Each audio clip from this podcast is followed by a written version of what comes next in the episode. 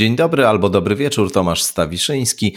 Przed Państwem kolejna odsłona podcastu Skądinąd. Tak jak mówiłem przed tygodniem, dziś ponownie naszym gościem jest dr Zbigniew Łagosz, badacz polskiej tradycji ezoterycznej, religioznawca, autor wielu bardzo ciekawych książek, między innymi książki o Czesławie Czyńskim, jednym z najbardziej malowniczych e, ezoteryków polskich. Polecam, e, żeby Państwo sobie zerknęli do dosie Zbigniewa Łagosza i żeby Państwo sięgnęli po jego książki, po jego teksty, bo naprawdę dużo tam jest historii niesamowitych. Dziś taka właśnie niesamowita historia również w naszej rozmowie się pojawi. Historia z jednej strony dotycząca no, bardzo głośnego wydarzenia, jakim było porwanie Bogdana Piaseckiego, 15-letniego syna Bolesława Piaseckiego. W 1957 roku się to wydarzyło. Bolesław Piasecki, figura znana Państwu zapewne, jeśli nie, no to za moment e, się okaże, któż to taki, a mogą też Państwo jeszcze z Google'a skorzystać w dzisiejszych czasach. No ale myślę, że każdy, kto jakoś zna najnowszą historię Polski, to doskonale wie, kim był ten człowiek. To porwanie było niezwykle głośne, e, tajemnicze, do dzisiaj właściwie nie ustalono co tak naprawdę się wydarzyło i kto za tym porwaniem i morderstwem Bogdana Piaseckiego stoi. Tu pojawi się pewien e, wątek, pewna mm, historia, e, która będzie przez niektórych łączona właśnie z owym wydarzeniem, czyli historia teatru natarczyńskiej historia Lecha Emfazego Stefańskiego, który się pojawiał wcześniej w jednej z naszych rozmów z Zbigniewem Łagoszem, e, również e, takiego Lorda Wejdera polskiej ezoteryki, jak to w innym e, miejscu żeśmy ustalili. No, postać niezwykle, niezwykle ciekawej. Miron Białoszewski, Lechem Fazy Stefański to takie dwie postacie główne owego teatru. No i właśnie pojawiły się pewne domniemania w tamtym czasie łączące sprawę porwania Bogdana Piaseckiego z działalnością teatru.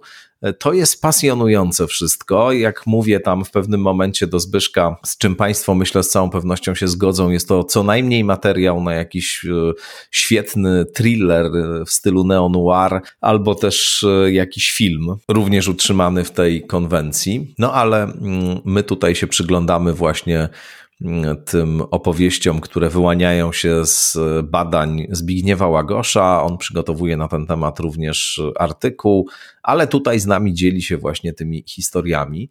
No, ta najnowsza historia, zwłaszcza ta historia, e, która dotyczy kręgów jakoś ezoterycznych, kręgów ludzi e, o specyficznym światopoglądzie, funkcjonujących trochę w ukryciu, trochę mm, samemu zaciemniających swoje E, swoje e, działania.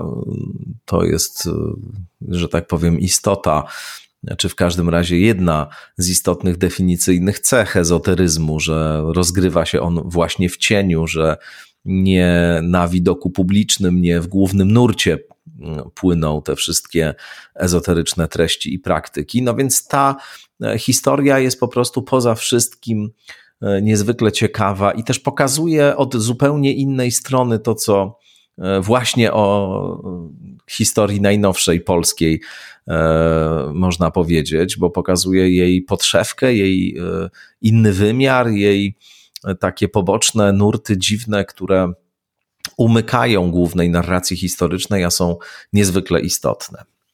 To powiedziawszy, już Państwa zapraszam na rozmowę ze Zbyszkiem Łagoszem, ale jeszcze oczywiście tradycyjnie podziękuję wszystkim patronkom, patronom, subskrybentkom, subskrybentom. Dzięki za Wasze wsparcie na Patronite, na stronie internetowej mojej. Dzięki dla firmy StrategyWise, ekspertów do spraw komunikacji, za wsparcie na Patronite również. No i wszystkim Państwu życzę spokojnych i wesołych świąt, niezależnie od tego, jak Państwo te święta obchodzą, w jakiej denominacji, czy w jakiejkolwiek w ogóle, czy nie. O e, istotności świąt i świętowania mówiłem tutaj całkiem niedawno w jednym z grudniowych odcinków skądinąd, także jeśli ktoś chciałby poznać moje zdanie w tym temacie, to odsyłam do tego odcinka, a tymczasem raz jeszcze wesołych świąt. No i cóż, zapraszam na tę pasjonującą historię, bo rzeczywiście niesamowite opowieści tutaj Państwu Zbigniew Łagosz już za moment przedstawi.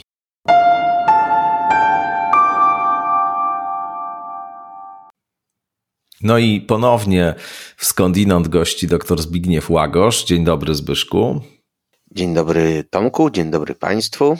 No muszę powiedzieć, że y, duże zainteresowanie tą naszą ostatnią rozmową e, się e, rozwinęło. E, nie tylko statystyki odsłuchalności tego odcinka to pokazują, ale też bardzo wiele różnych komentarzy, takich wiadomości, które po tej naszej rozmowie dostałem na przykład wiadomości o treści o rany. Co to w ogóle za postać była ten Prokopiuk? Że jakaś inna rzeczywistość obok tej, e, w której my tutaj na co dzień żyjemy, równoległa, e, funkcjonowała przez tyle czasu i, i teraz ją odkrywamy. E, no i to jest bardzo malownicze i bardzo ciekawe.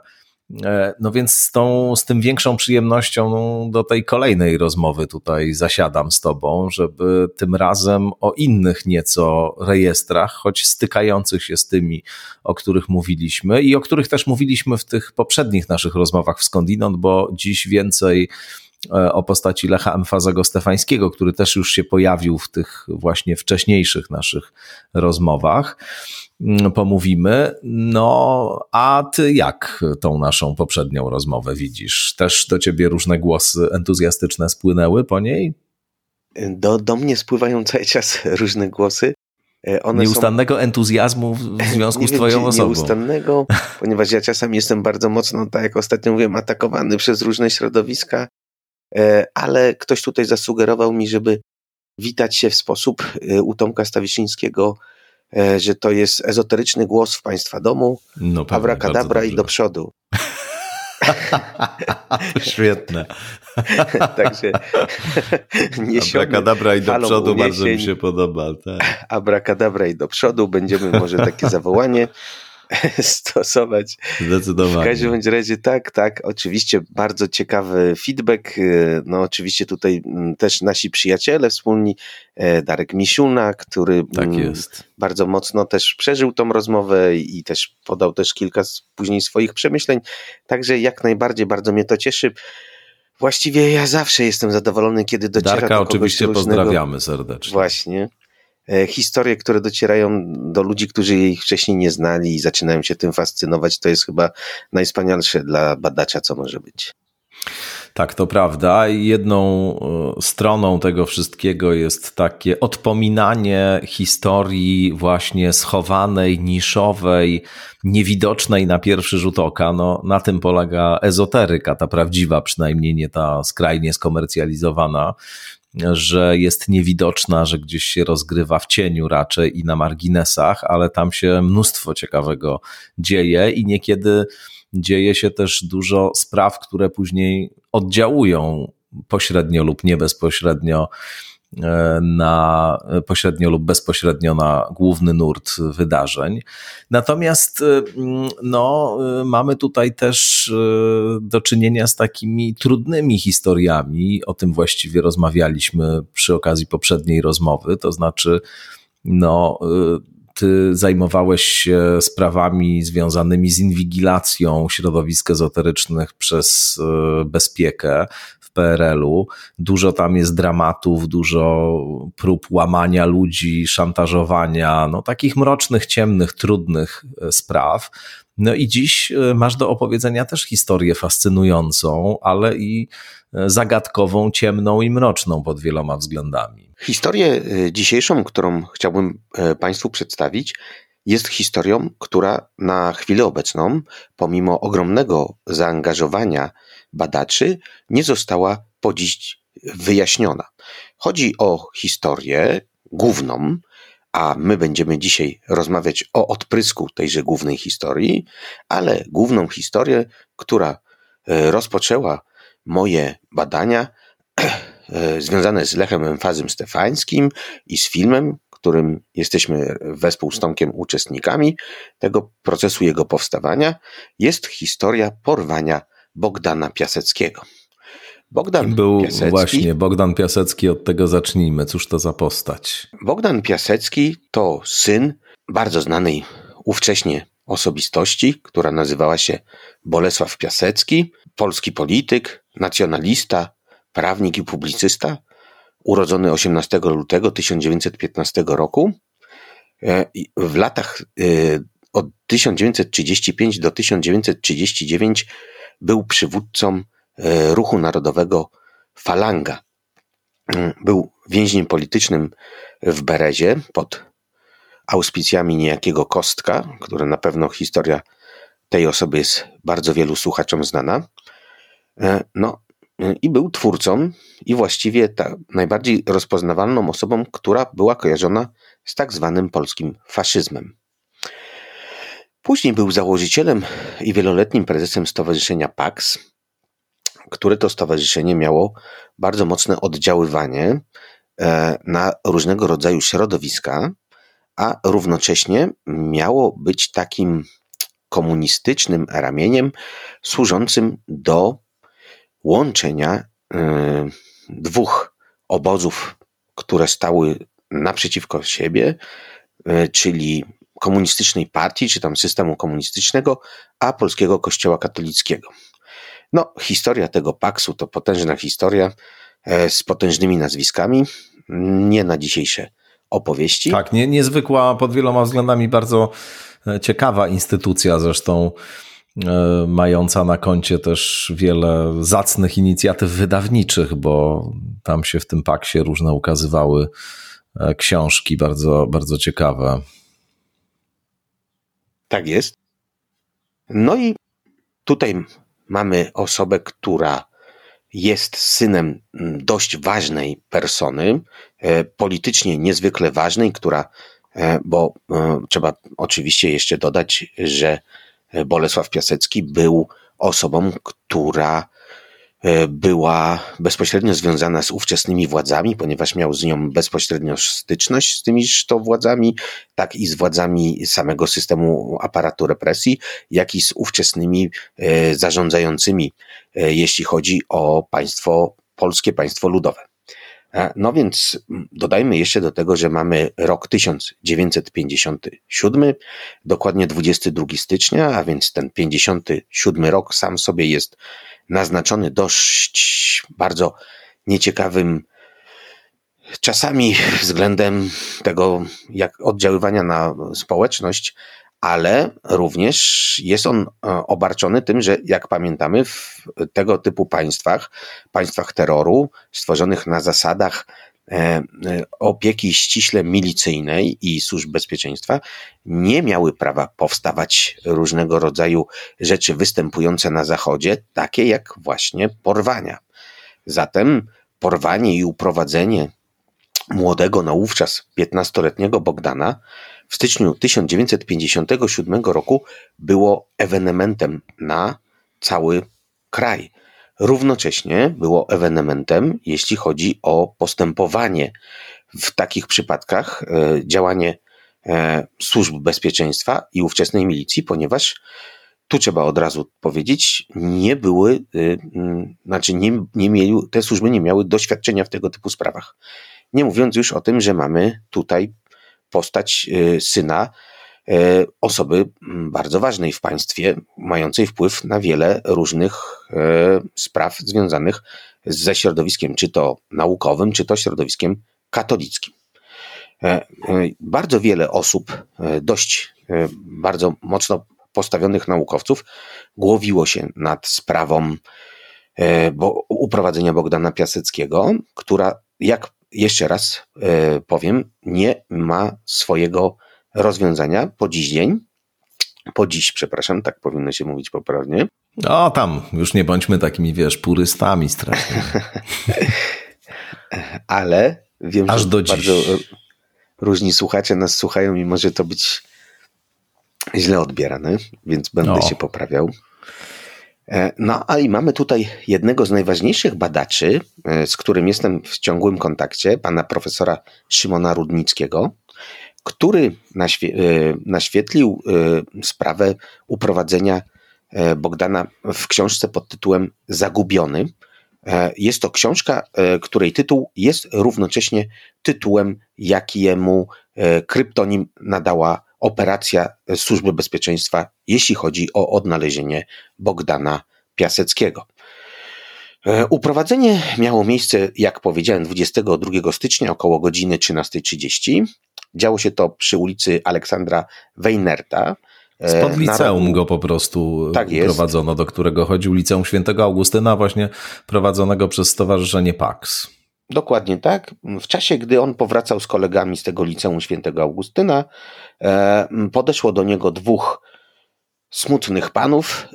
Jeden z nich przedstawił legitymację, czy to prawdziwą, czy sfałszowaną. Tutaj są oczywiście, bo to będzie później miało e, kontekst e, do rozwiązania sprawy, w sensie do przypuszczeń, jak ta sprawa rzeczywiście przebiegała.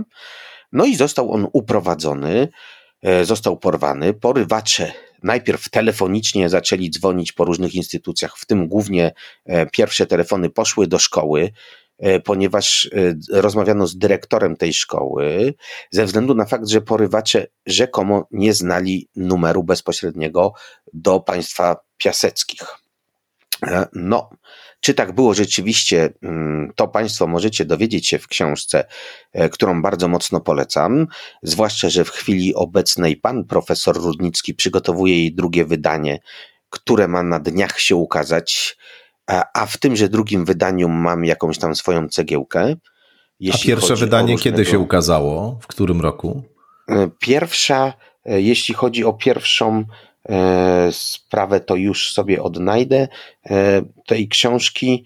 Natomiast można powiedzieć, że na, na chwilę obecną pewnie za jakieś dwa miesiące ukaże się następna wersja, bo taką mam informację.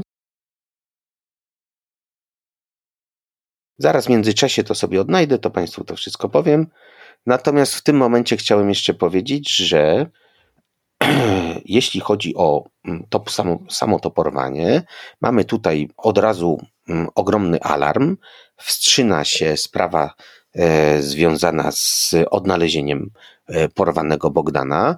E, Bolesław wpada w rozpacz, co jest naturalne w momencie, kiedy porywam, porywają nam dziecko. E, ale równocześnie nie traci zimnej krwi i rozpoczyna raz, że poszukiwania na własną rękę, dwa, że interweniuje u wszystkich e, najbardziej wtedy e, osób, które mają najwięcej do powiedzenia, jeśli chodzi tak i o aparat bezpieczeństwa, jak i o zarządzanie państwem. No, ta sprawa toczy się bardzo, bardzo długo. Są jako jeden z pierwszych, a później też później całkowicie niewyjaśniona sprawa związana z taksówkarzem, u którego panowie, e, e, którzy porywają Bogdana, zamawiają kurs. Ów taksówkarz rzekomo mm, ma nic na ten temat nie wiedzieć. Jednakże później dochodzą różnego rodzaju kwestie związane z tym, że jednak, mm, co najgorsze, w jego przypadku był pochodzenia żydowskiego, a jak wiemy, Bolesław Piasecki z narodowością e, żydowską podczas wojny, ale przede wszystkim przed wojną e, relacje, które e, miał, były niesłychane trudne. Może powiedzmy od razu był po prostu antysemitą. Tak. I mm, zatem w momencie, kiedy mamy tutaj sprawę uprowadzenia jego syna, w której bierze udział jak się twierdzi początkowo, całkowicie nieświadomie taksówkarz pochodzenia narodowości żydowskiej, natychmiast jednym z wątków, e, jeśli chodzi o rozwiązanie sprawy, jest podawanie zemsty e, narodu żydowskiego na Bolesławie Piaseckim za rzeczy, które robił przed wojną, ale i podczas wojny, choć to, co robił podczas wojny, nie jest do końca wyjaśnione. E, no, oczywiście kolejne sprawy są e, związane z tym, czego żądają porywacze, a porywacze żądają przede wszystkim pieniędzy. No i trzecia sprawa, e, która rozgrywa się na marginesie i właściwie na chwilę obecną, co bardzo ciekawe, badacze upatrują w niej swoje rozwiązanie, tak naprawdę rzetelne rozwiązanie i, i, i te, które jest najbardziej przypuszczalne. Jest to sprawa związana z służbą bezpieczeństwa, która miała jakoby mieć właśnie cel w tym, żeby do takiego mm, e, e, uprowadzenia doprowadzić i rozgrywać swoje sprawy związane z naciskiem na samego Bolesława Piaseckiego. Czy tak było? Ciężko jednoznacznie stwierdzić, ze względu na fakt, że po pierwsze, sprawa ta ma setki, ale to setki e, tomów akt. E, jak wiemy, był to 1957 rok, więc e, niektóre akta sprawy celowo zaginęły, niektóre tropy były celowo rozpowszechniane, mimo tego, że nie miały żadnego poparcia w faktach. No i w tej chwili zmierzamy powoli do tego, o czym chcielibyśmy dzisiaj rozmawiać, czyli odprysku tejże sprawy, ponieważ na kanwie sprawy ezoterycznego głównej, odprysku. Tak jest.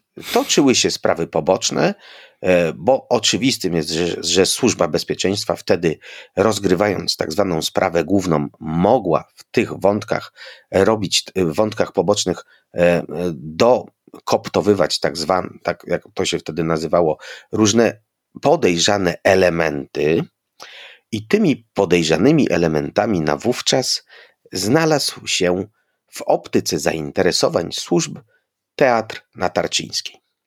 Jeszcze, no to jeszcze słowo o Teatrze Natarczyńskiej. Powiedzmy. Zanim powiem słowo o mhm. Teatrze Natarczyńskiej, to powiem jeszcze, y, dlaczego się tak stało, y, dlaczego w tej optyce zainteresowali się oni znaleźli. Otóż co też bardzo ciekawa sprawa, ponieważ była pewnym ewenementem nie tylko jeśli chodzi o samo porwanie, ale również działanie mega, jak na tamte czasy, profesjonalne przez porywaczy. Otóż oni y, rozkładali informacje dla osoby, która miała przenosić dla nich pieniądze w związku z tak zwanym wypłaceniem okupu, y, informacje te podawali w pudełku od zapałek. E, w pudełku od zapałek mieściła się karteczka. Te pudełka od zapałek były rozlokowywane w różnych miejscach w Warszawie. E, osoba, która szła z tak zwanym okupem, czyli z tymi pieniędzmi, e, dostawała, dochodziła do określonego punktu, w którym znajdowała takie pudełko i tam były kolejne instrukcje. E, no i cóż takiego. E, jeszcze, e, żeby dopełnić obraz, znaleziono całkowicie przypadkowo ciało Bolesława, ponieważ on został, Bogdana, ponieważ on został zamordowany. Jedna z inspekcji tak zwanego mm, schronu E, który mieścił się w pewnej kamienicy. Była to inspekcja, która kiedyś tam zostało jakieś wydane zarządzenie, należało sprawdzić e, te schrony i tam e, w zabitym deskami pomieszczeniu piwniczym znaleziono ciało młodego człowieka, w którym wbity był nóż. I ten nóż również tutaj będzie bardzo ważną sprawą do naszego wątku pobocznego, który zaczął mieć swoją nazwę, e, jeśli chodzi o akta Służby Bezpieczeństwa, a nadano mu kryptonim tak zwany Zapałki. I w tej Zapałka. chwili dochodzimy mhm. do innego już e, tworu, czyli do Teatru Natarczyńskiej, żeby można było w jakiś sposób najpierw o tym teatrze opowiedzieć, to trzeba się cofnąć do lat 1947-1955, gdzie mamy tak zwaną grupę kobylańską, czyli nieformalną grupę literatów, krytyków, malarzy, twórców muzycznych i teatralnych, ale także przedstawicieli innych środowisk, środowisk intelektualnych, którzy działają w podwarszawskiej Kobyłce. Żeby jeszcze przybliżyć, e, trzeba podać kilka nazwisk, któż tam do tej grupy należał.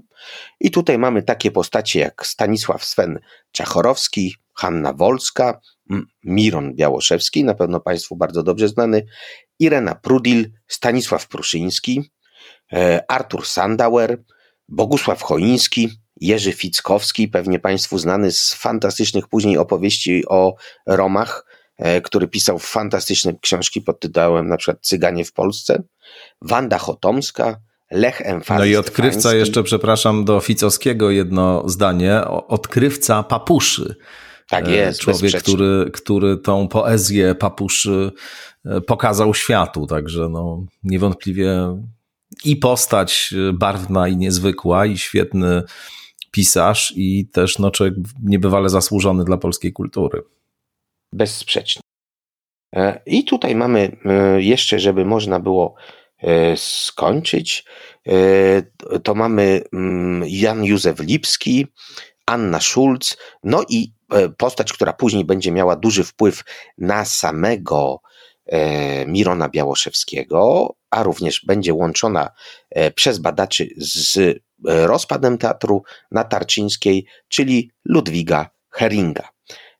I teraz to są osoby, które zbierają się, notabene do, do tej grupy dopiero o wiele później dołącza już nasz Lech Emfazy Stefański, bo pierwsze jeszcze go po prostu wtedy nie znają. Z informacji, które mamy, e, to wiemy, że z samym już Mironem zapoznał go późniejszy jego przyjaciel, właśnie Pruszyński. No i mm, co bardzo znamienne, i teraz fajnie, żeby, żeby to wybrzmiało, jeśli chodzi o System e, Teatru na Tarczyńskiej, który to teatr był teatrem powstałym przy ulicy Tarczyńskiej 11, mieszkania 33, było to mieszkanie, które należało wtedy do Lecha Emfazego Stefańskiego. E, Lech Emfazy Stefański później, po tym jak Miron Białoszewski stał się osobą niezwykle popularną i niezwykle ważną dla środowisk literackich, e, zaginął, jeśli chodzi o historię mówiącą o powstaniu Teatru na Tarczyńskiej. A tu trzeba niezwykle mocno podkreślić, że był to nie tylko inicjator, ale osoba, która dawała na to wszystko pieniądze, dawał na to mieszkanie swoje, a równocześnie e, był e, osobą, która Mm, od której pochodziła też idea powstania tego teatru.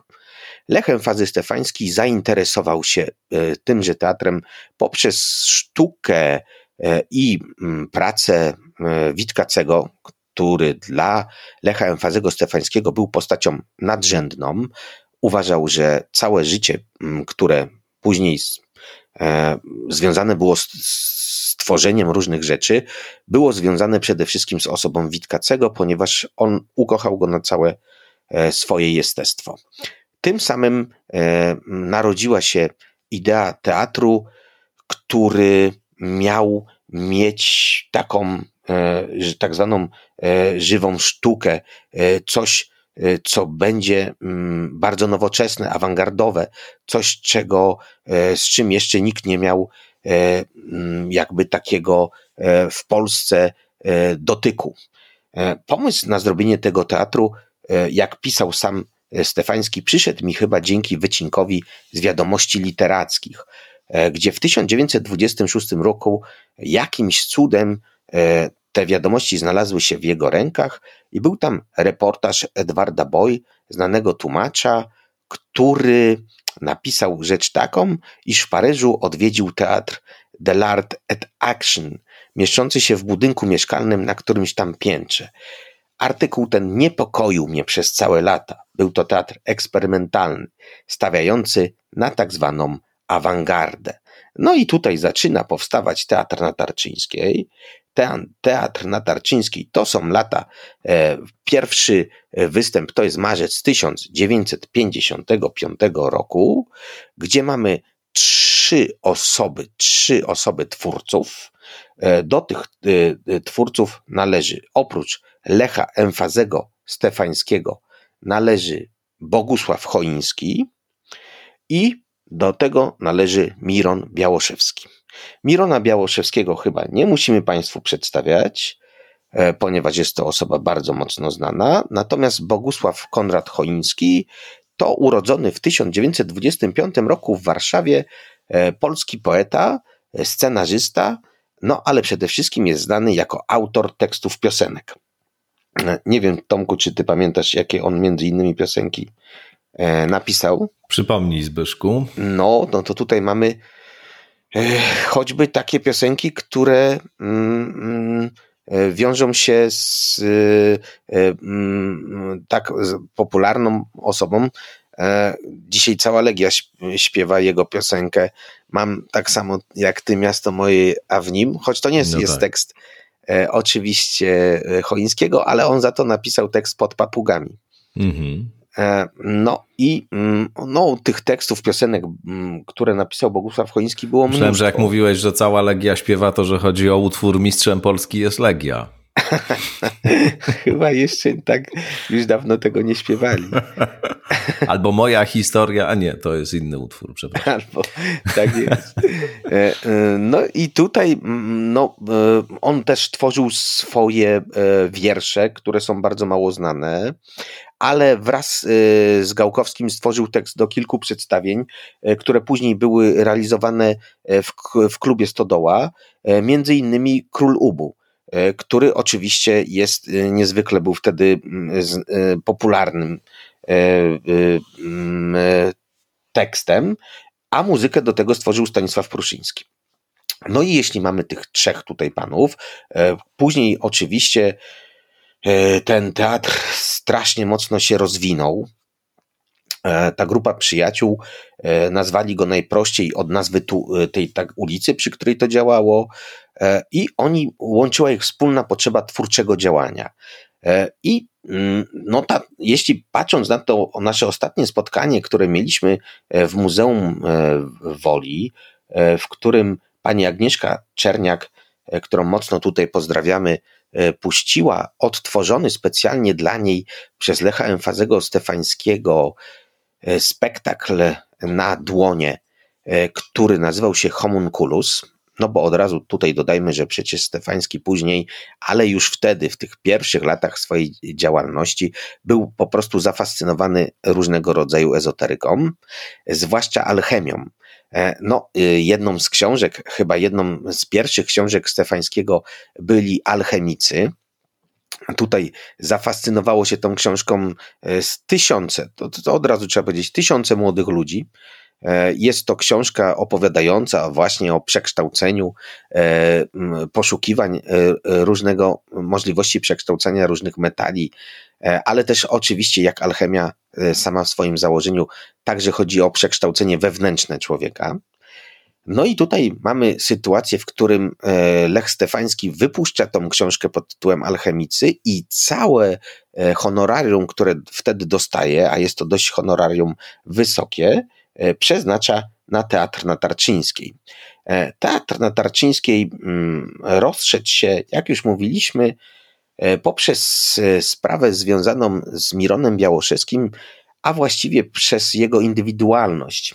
E, warto tutaj przytoczyć słowa Jana Józefa Lipskiego, który był mocnym przyjacielem Białoszewskiego, który mówił w ten sposób: Indywidualność artystyczna Mirona, a nawet krócej indywidualność Mirona, przyćmiewała współtowarzyszy i zdominowała pamięć o tym ewenemencie. Mowa tutaj właśnie o tym teatrze. Niemniej jednak teatr był dziełem zbiorowym, co nie przeszkadza, że każdy z jego twórców był twórcą indywidualnym. Zresztą tak się składa, że może najmniej tyczy to właśnie Mirona. Ale zarazem to właśnie Miron przyczynił się do tego, że nazwiska Chońskiego i Stefańskiego znikły ze zbiorowej pamięci o tym teatrze.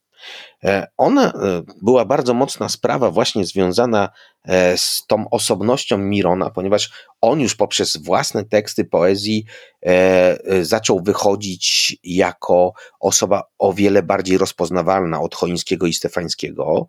Natomiast równocześnie ta jego postawa wtedy nie była zbyt elegancka. Później, jako jeden z niewielu, właśnie Pruszyński w wspomnieniach zawartych w pięknej książce pod tytułem Miron Wspomnienia o poecie e, powiedział, że on odszedł e, daleko od, e, mówię o Pruszyńskim, od tej grupy, którą wtedy razem tworzyli, ze względu na to, że nie mógł patrzeć, w jaki sposób potraktowano Lecha Stefańskiego. Czyli, że po prostu zlikwidowano jego teatr, mówiąc, że tak naprawdę wszystko to zakładał Białoszewski, a Stefański bardzo mocno to przeżył. Był to człowiek, który miał wtedy dość mocną kruchą, e, jeśli chodzi o psychikę. E, stan, no to też nie ma się co dziwić, bo to byli wszystko artyści. E, teatr ten się rozszedł, ale zanim się rozszedł, wystawiał bardzo ciekawe sztuki, ogromne zainteresowanie, ogromne zainteresowanie i teraz trzeba od razu powiedzieć, że na, do teatru na Tarcińskiej przychodziła ówczesna śmietanka Warszawy i to stawiała się karnie, czekając na miejsca, żeby móc oglądnąć te przedstawienia. Oczywiście e, był ogromny rezonans, E, ponieważ zainteresowała się tym nawet kronika, e, zaczęto nawet myśleć o tym, żeby ten teatr dotować. Przychodzili ministrowie ówcześni związani z, z kulturą i sztuką, przychodziły różnego rodzaju gwiazdy teatru, gwiazdy filmu, przychodzili poeci, najwybitniejsi naówczas twórcy E, przychodziły takie postacie jak choćby właśnie Prokopiuk, o którym wcześniej rozmawialiśmy, ale przychodziły też e, różnego rodzaju elementy, tak zwane, e, które później, co bardzo ciekawe, miały również wpływ na to, co działo się w samym teatrze, jeśli chodzi przede wszystkim o jego kulisy.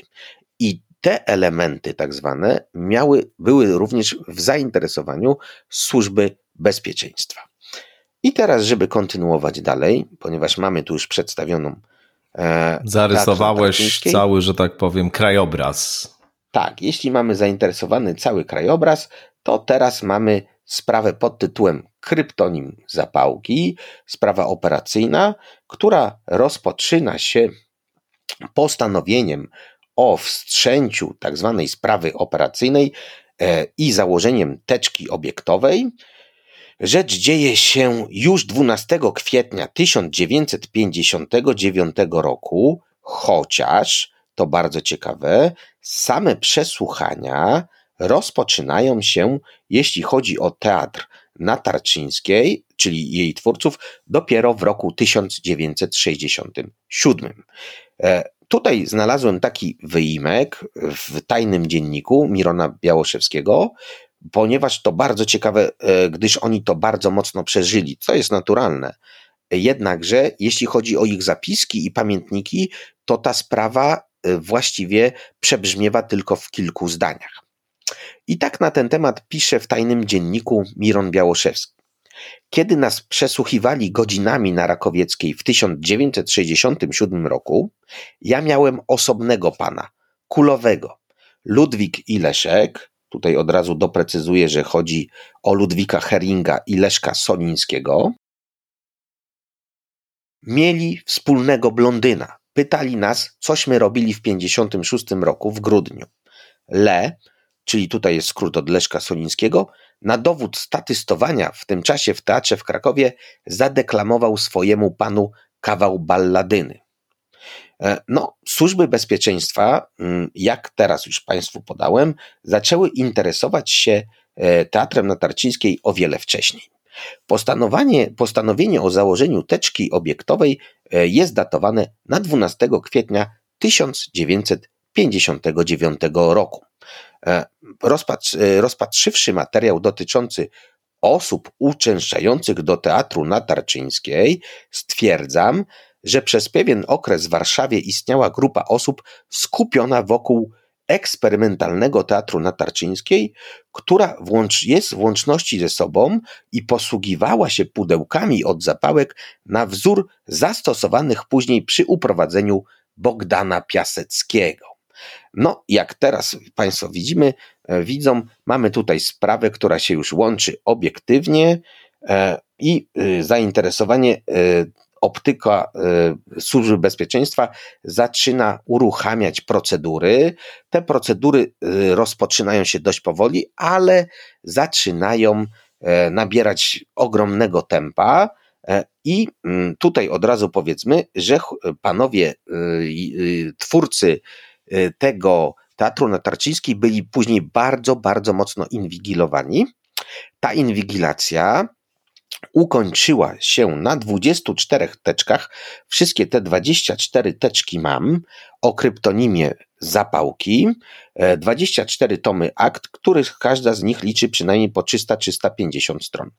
Także materiału jest naprawdę ogrom i materiał ten nie został jeszcze przez nikogo opisany jako e, zewidencjonowany w tym e, sensie, że e, teczka po teczce przeczytany i historycznie rozpracowany. Notatka służbowa, która powstała na początku tej całej operacji, opisywała to w sposób taki. W teatrze przy ulicy Marszałkowskiej 8 grana jest obecnie komedia Jerzego Broszkiewicza Niepokój przed podróżą. Charakterystycznym momentem jest eksperymentalna oprawa sceniczna. E, jego wyposażenie wnętrza pokoju stanowią imitacje pudełek z zapałkami w dużym powiększeniu. Na zewnątrz sceny jest dekoracja, znajduje się pudełko od zapałek, a nad nim duże rogi jelenia. I tutaj już to była już druga e, e, sprawa, niezwiązana bezpośrednio z Teatrem na Tarczyńskiej, ale mówię to Państwu o tym, ponieważ oni zaczęli szukać tego pudełka zapałek e, w każdym środowisku, e, w którym e, gdzieś te pudełka od zapałek się przewijały. Mówimy tutaj o środowiskach artystycznych. No i sprawa rozpoczyna się poprzez zakładanie podsłuchów, ale równocześnie poprzez wypytywanie środowiska związanego z Teatrem na Tarczyńskiej. Wnioski y, oficerów operacyjnych są takie. Ponieważ w teatrzyku na Tarczyńskiej występowały podobne elementy, co i w sprawie uprowadzenia Bogdana Piaseckiego, a mianowicie, i tu czytam, przy rozsyłaniu zaproszeń do teatrzyku organizatorzy w pierwszym okresie jego działalności posłużyli się pudełkami od zapałek malowanymi na biało-czarny kolor z nalepką program. Przy czym zaproszenia pisali na maszynie, i tu kolejna, jeszcze trzecia sprawa, ponieważ osoby, które e, uprowadziły Bogdana, e, wy, e, pisały e, swoje zawiadomienia e, dla e, rodziny Piaseckiego na maszynie, która nazywała się Bambino. I tutaj zaczęto mm, mm, łączyć te wszystkie rzeczy, ponieważ Lech Emfazy Stefański miał taką maszynę u siebie, maszynę Bambino. Zaczęto łączyć to z tym malowaniem tych pudełek od zapałek, w których był pokazany program Teatru na Tarczyńskiej.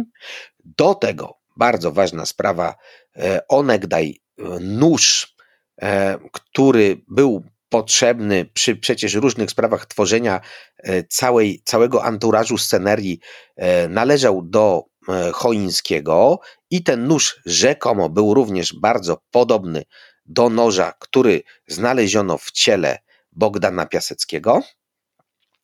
I jeszcze mieliśmy tutaj inne wnioski, w których mówiono, że na Tarczyńskiej dawano sztukę pod tytułem Szminka, w czasie której przebijano serce narysowanej kobiety nożem, podobnym do noża użytego przy zabójstwie Bogdana Piaseckiego. No to już widzimy, idą takie to już naprawdę... naprawdę jest, wiesz, jak z jakiegoś takiego zawiłego, skomplikowanego kryminału z wątkami tak okultystycznymi jeszcze. Bez dwóch zdań. Czyli oczywiście my bardzo lubimy takie kryminały czytać i jesteśmy wielkimi ich fanami, ale e, wydaje się, że tutaj chyba zbyt daleko idące, Och, jeśli chodzi o rzeczywistość, są te, są te wnioski. Ogromnie daleko idące. Kolejny wniosek. Duża część bywalców teatrzyku na Tarczyńskiej była stałymi bywalcami restauracji kameralna, a sprawcy porwania wyznaczyli tam pierwszy punkt kontaktowy podczas porwania. To już widzimy, że tu wtedy możemy wszystkich włączyć, bo w kameralnej to przecież chodziły tysiące osób. W teatrzyku na Tarczyńskiej używano do różnych spraw stolarsko-dekoracyjnych hufnali. To są takie, mm, od razu wytłumaczę, to są e, gwoździe e, kowalskie. Znano tam ich zalety przy tych pracach, a sprawcy porwania posłużywali się tymi e, gwoździami przy zabiciu drzwi pomieszczenia, gdzie ukrywano zwłoki Bogdana. No, mm, tutaj tak naprawdę można było połączyć wszystko. Na wszystkich zaproszeniach malowano dekoracyjne esy, co wiązało się z dużymi nakładami pracy. Sprawcy przy wyznaczaniu punktów kontaktowych dodawali rysunkowe wyjaśnienia sposobu dojścia do danego punktu. Na zaproszeniach do teatru odbijano okrągły stempel wyryty na gumowej oponie, a w domu Lecha Stefańskiego znajdowała się duża ilość dziecinnych drukarek. Ktoś z osób związanych z teatrem posiadał maszynę marki Bambino. Później właśnie odkryto, że chodziło o Lecha Stefańskiego. No i jak tutaj widzimy, to, to wszystko właściwie układało się służbie bezpieczeństwa w jedną całość. A jeśli dodamy do tego, że onegdaj e, Miron Białoszewski pracował przez kilka miesięcy na poczcie, a porywacze Bogdana Piaseckiego mieli znajomość tak zwanej post-resistant, czyli e, takiego zostawiania e, specjalnego, jeśli chodzi o przesyłki, w taki sposób, żeby nie zanotowano, kto zostawia i dla kogo, E, to od razu przyszło im na myśl, że Białoszewski Miron miał taką wiedzę, więc ta ekipa z Teatru Natarczyńskiej musi bezpośrednio być związana z porwaniem Bogdana Piaseckiego. Na dzisiaj. Na Żelazne rozumowanie. Tak jest. Na dzień dzisiejszy, e, je, jeśli na to popatrzymy, to wydaje się to bardzo śmieszne, ale to była naprawdę bardzo potężna akcja. Postanowiono e, zrobić tak zwane wnioski operacyjne e, i w tychże wnioskach operacyjnych pisano takie oto rzeczy. Ponieważ w przestępstwie musiały brać udział jednostki wywodzące się z tego środowiska, ponieważ są zdemoralizowane. Należy ustalić za pośrednictwem Lecha Stefańskiego, biorąc pod uwagę przede wszystkim okres 1956 roku, kiedy to w środowisku tym rozsyłano zaproszenia w pudełkach od zapałek i grano sztukę szminka zająć się ustaleniem wszystkich kontaktów Mirona Białoszewskiego z poczty na terenie Warszawy i rozpatrzyć ich możliwość w udzieleniu sprawcom pomocy w przesyłaniu listu. Ustalić dokładną listę osób zatrudnionych w dniu 25 stycznia 57 w restauracji Kameralna i stwierdzić, kto tych osób był powiązany z osobami z Teatru Natarczyńskiej.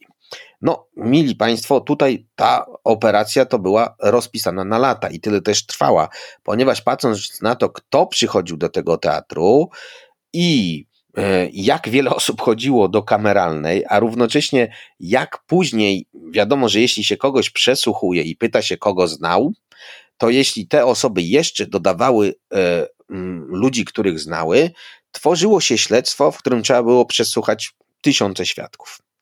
E, na pierwszy ogień poszli oczywiście Lech Stefański, e, Białoszewski Miron, e, do tego Choiński Bogusław, czyli twórcy teatru, no a później mamy już Sandauera Artura, Heringa Ludwika, Pruszyńskiego Stanisława, no i ta lista pierwszych Fabicka Maria,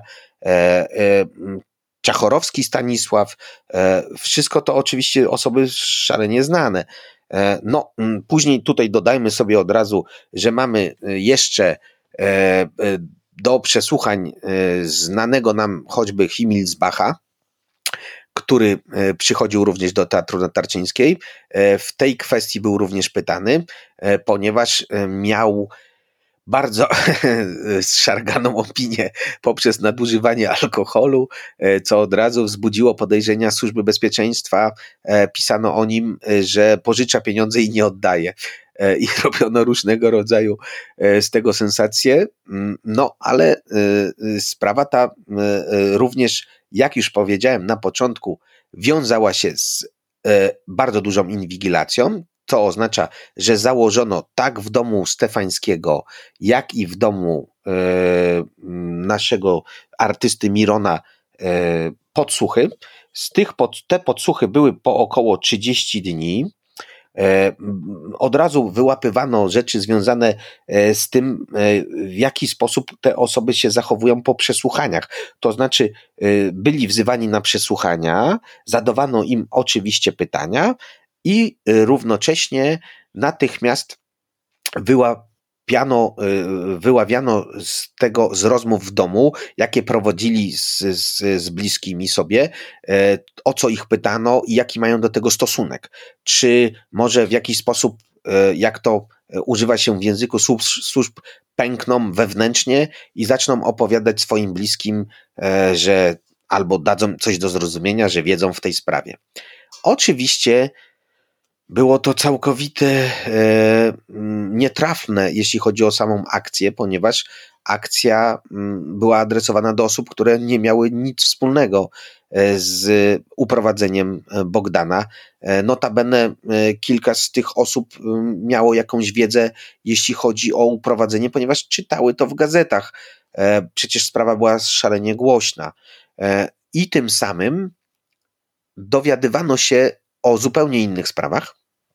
To naturalne, że przy tego typu procesach wychodzą zupełnie inne sprawy.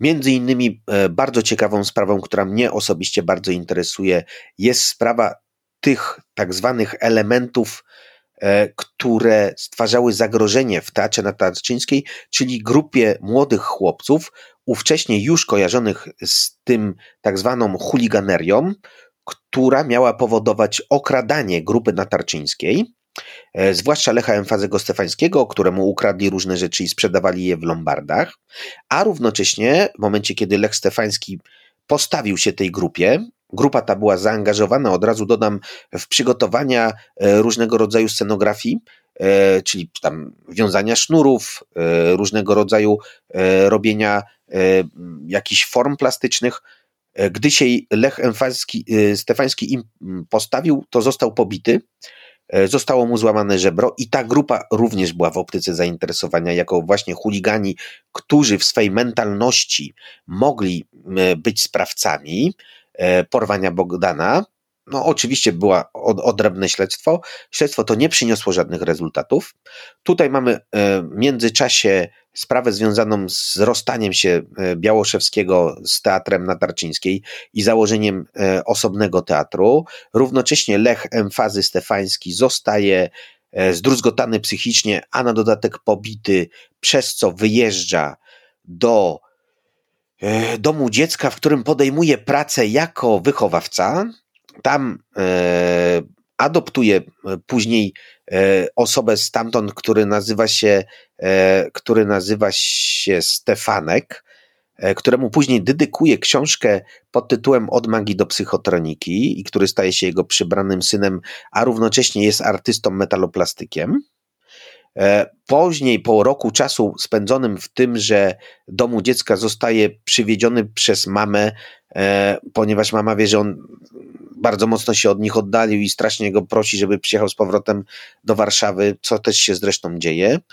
E, równocześnie mamy tutaj sprawę jeszcze mm, bardzo ciekawego wątku, o którym trzeba też powiedzieć, że e, ojciec e, Bolesława, czyli Bogdana, czyli Bolesław, starał się nawiązać kontakty z różnymi osobami podczas poszukiwań i trafił do naszego już omawianego wcześniej Roberta Waltera, ponieważ uważał go za jasnowidza i chciał, żeby Robert Walter powiedział mu, co się dzieje z jego synem.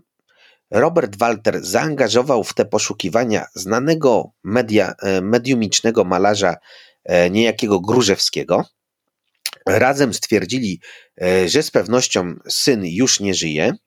Przy czym, co bardzo ciekawa sprawa, właśnie Piasecki, mm, Bolesław, nie wiązał tutaj w swoich wspomnieniach, jeśli chodzi o użycie Waltera, e, że użył go poprzez y, to, że myślał, że Walter jest jakimś jasnowidzem, tylko że uważał, iż Walter ma różnego rodzaju kontakty ze środowiskiem przestępczym ówczesnej o, Warszawy. To ciekawe. Ale to jest jeszcze ciekawsze w tej kwestii, że jak pamiętamy, Walter był związany i miał dużą wiedzę na temat śmierci swojego ucznia, niejakiego Czarnomskiego, który został zabity podczas okupacji, tak zwanym mordzie rytualnym. Nie wiem, czy na ten temat już mówiliśmy, czy nie, bo to będzie pewnie kiedyś dalsza kwestia opowieści. Tak, to jest Natomiast tutaj mamy historia niezwykle ciekawa. Tak również. jest. Powiązanie, jak widzimy, całej tej śmietanki, w której my się tutaj już od pewnego czasu obracamy, która znowu ogniskuje się wokół niezwykle ważnego wydarzenia, jakim było porwanie tego młodego Bogusława.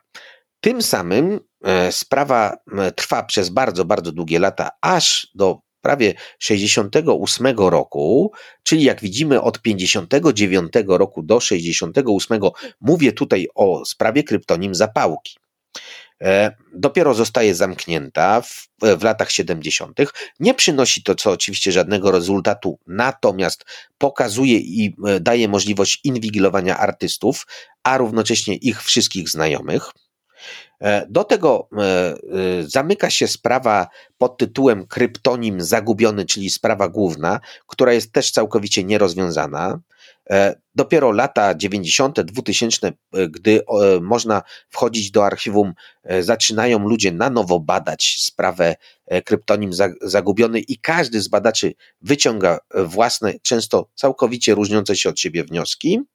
Przy czym, tak jak mówię, polecam tutaj e, najnowsze, e, mające się ukazać za, za niedługo czasu książkę profesora Rudnickiego, która naświetla całkowicie sprawę związaną e, z uprowadzeniem Bogdana, przy czym jeśli chodzi o akcję kryptonim Zapałki, poświęca jej tylko jedną stronę, zatem myślę, że jeśli Państwo będą tym zainteresowani, powstaje artykuł, który właśnie kończę, może nie kończę, to jeszcze pewnie miesiąc lub dwa, który będzie całkowicie opisywał sprawę kryptonim Zapałki. No, bardzo malownicza historia i rzeczywiście właściwie gotowy materiał na jakiś film albo na jakąś powieść, retrokryminał, który się właśnie dzieje w tych czasach i zawiera wątki, które lubimy najbardziej, czyli właśnie zagadkowe, zagadkowe zdarzenia i jakieś tajemnicze morderstwa i do tego jeszcze wątki ezoteryczno-okultystyczne. Tak, bezsprzecznie. No jest to sprawa, którą e, jak w ogóle sprawy związane z kręgiem e, warszawskich ezoteryków, a może i w ogóle polskich, e, gdzie właściwie co druga sprawa to kanwa na scenariusz filmowy. Tak, to prawda. Bardzo Ci dziękuję, Zbyszku, za tę opowieść pasjonującą, kolejną. No i cóż, będziemy się spotykać jeszcze w skądinąd i na pewno wrócimy do tych wątków, które tutaj poruszyliśmy. Doktor Zbigniew Łagosz był Państwa gościem. Dzięki Zbyszku wielkie. To ja bardzo dziękuję. Dziękuję za kolejną możliwość dania mi czasu do wysłuchania i zobowiązuję się, że jeśli jeszcze będę zapraszany, to przygotuję kolejne tak zwane sprawy petardy. A, oczywiście, że tak. Naturalnie. Z góry zapraszam do kolejnych spotkań. Tymczasem do usłyszenia i oczywiście zapraszam także na kolejne odsłony skądinąd i te, które będą ze Zbyszkiem i te, które e, będą z innymi gośćmi. Dzięki raz jeszcze.